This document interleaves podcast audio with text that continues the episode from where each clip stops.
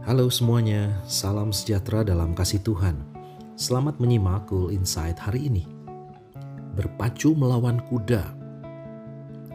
Sekelompok kijang terlihat mencari makan di padang rumput. Mereka dengan gembira mencari makan sambil bermain-main. Sesekali melompat-lompat kegirangan dan berjalan berkelompok. Walaupun di sebelahnya ada sekelompok singa, mereka tidak takut dan tetap saja berlari-lari dengan gembira Sesekali singa mencoba memangsa anak kijang, namun anak kijang dapat berlari-lari kencang meloloskan diri. Sementara itu, kijang-kijang lain tetap merumput di sebelah kelompok singa. Itulah sisi kehidupan fauna yang dapat kita amati.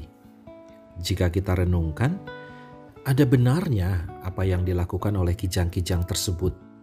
Mengapa mereka harus pusing memikirkan singa-singa yang selalu berusaha memangsa mereka. Lebih baik mereka fokus pada kehidupan mereka sendiri. Demikian juga dengan kita. Kita tidak perlu membenci mereka yang mencari makan dengan cara yang jahat, ataupun membenci mereka yang hatinya penuh dengan kebencian, pikiran negatif, dan rasa curiga. Hindari jika memang bisa. Biarkan jika memang mereka berada di sekitar kita karena inilah dunia di mana semua macam tingkah laku manusia ada dan kita tidak dapat bersembunyi darinya. Jika terus memikirkan singa, kita malah tidak bisa mencari makan. Hal ini pula yang dialami oleh Nabi Yeremia. Suatu kali ia melontarkan pertanyaan, "Mengapa sepertinya Tuhan membiarkan orang-orang fasik hidupnya mujur?" Menarik untuk diperhatikan karena Tuhan tidak menjawab pertanyaan yang diajukan oleh Yeremia, tetapi sebaliknya Tuhan mengalihkan Yeremia dari fokus ke pribadi dan musuh-musuhnya kepada fokus kepada rencana Tuhan atas kehidupannya. Jika engkau telah berlari dengan orang berjalan kaki dan engkau telah dilelahkan, bagaimanakah engkau hendak berpacu melawan kuda?